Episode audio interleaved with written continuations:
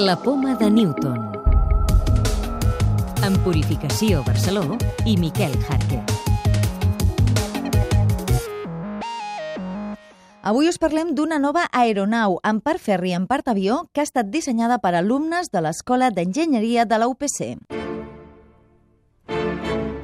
Surt de l'aigua i arriba a l'aigua. En aquest sentit seria com un hidroavió. El que passa és que la part de vol no vola, diguem-ne, doncs, com volaria un hidroavió, sinó que vola molt arran de l'aigua i, per tant, pot gaudir de, de l'efecte de sustentació que li dona el fet de volar molt a prop de, de l'aigua. És Daniel Garcia Alminyana, professor de l'Escola d'Enginyeria de Terrassa i un dels impulsors del projecte.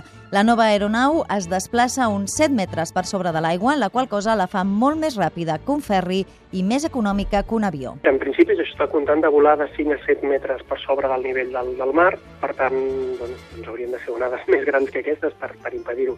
Tot i que realment s'està mirant de que possiblement pot valdre la pena encara volar una miqueta més més amunt i tenir doncs, una miqueta més de, de garantia per altres coses. Vull dir, també poden haver vaixells pel camí i bueno, una miqueta doncs, la, la gràcia és poder superar tots els obstacles sense, sense problemes. La nova nau també seria més segura, ecològica i amb més capacitat de passatge, fins a 600 persones, entre altres avantatges. L'estructura és menor, la comoditat és molt més gran, eh, la velocitat a veure, no és tan gran com l'avió, però és molt més gran que el, que el ferri, el consum també és molt més baix doncs, que el ferri. El projecte, íntegrament català, es presenta a un concurs d'idees d'Airbus. De moment ha quedat entre el centenar de dissenys seleccionats per l'aeronàutica que farà públic el seu dictamen abans de l'estiu.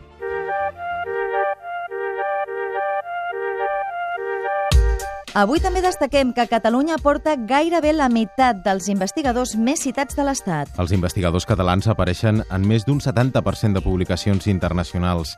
Catalunya ocupa el primer lloc en aportació de documentació científica de l'Estat, en 22 camps d'investigació diferents i també són capdavanters en les institucions de recerca catalanes.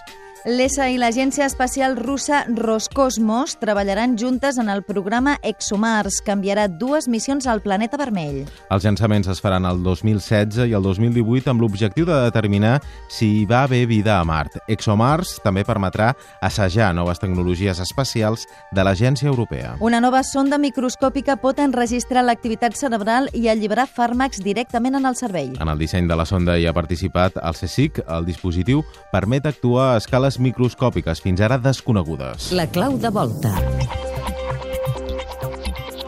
Què és el vent solar? Josep Isern, astrònom de l'Institut d'Estudis Espacials. El vent solar és els gasos que s'escapen de la superfície del Sol, degut a la pressió de la radiació i del camp magnètic a la superfície del Sol.